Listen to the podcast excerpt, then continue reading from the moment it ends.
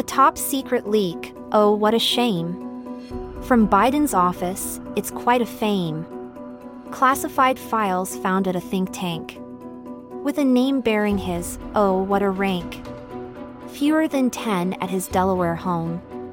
But none were top secret, as CBS has shown.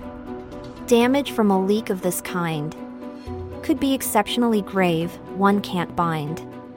Confidential, secret, and top secret too.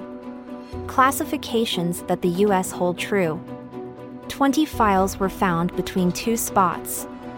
In November and December, it's quite a lot. The papers came to light just last Monday. At the Penn Biden Center, where they lay. Before the midterm elections, it was found. But Biden ignored the questions, not a sound. On Friday, as he hosted a guest, Biden ignored the reporters with no zest. He said the files were locked in a garage next to his 1960s Corvette, a vintage Mirage.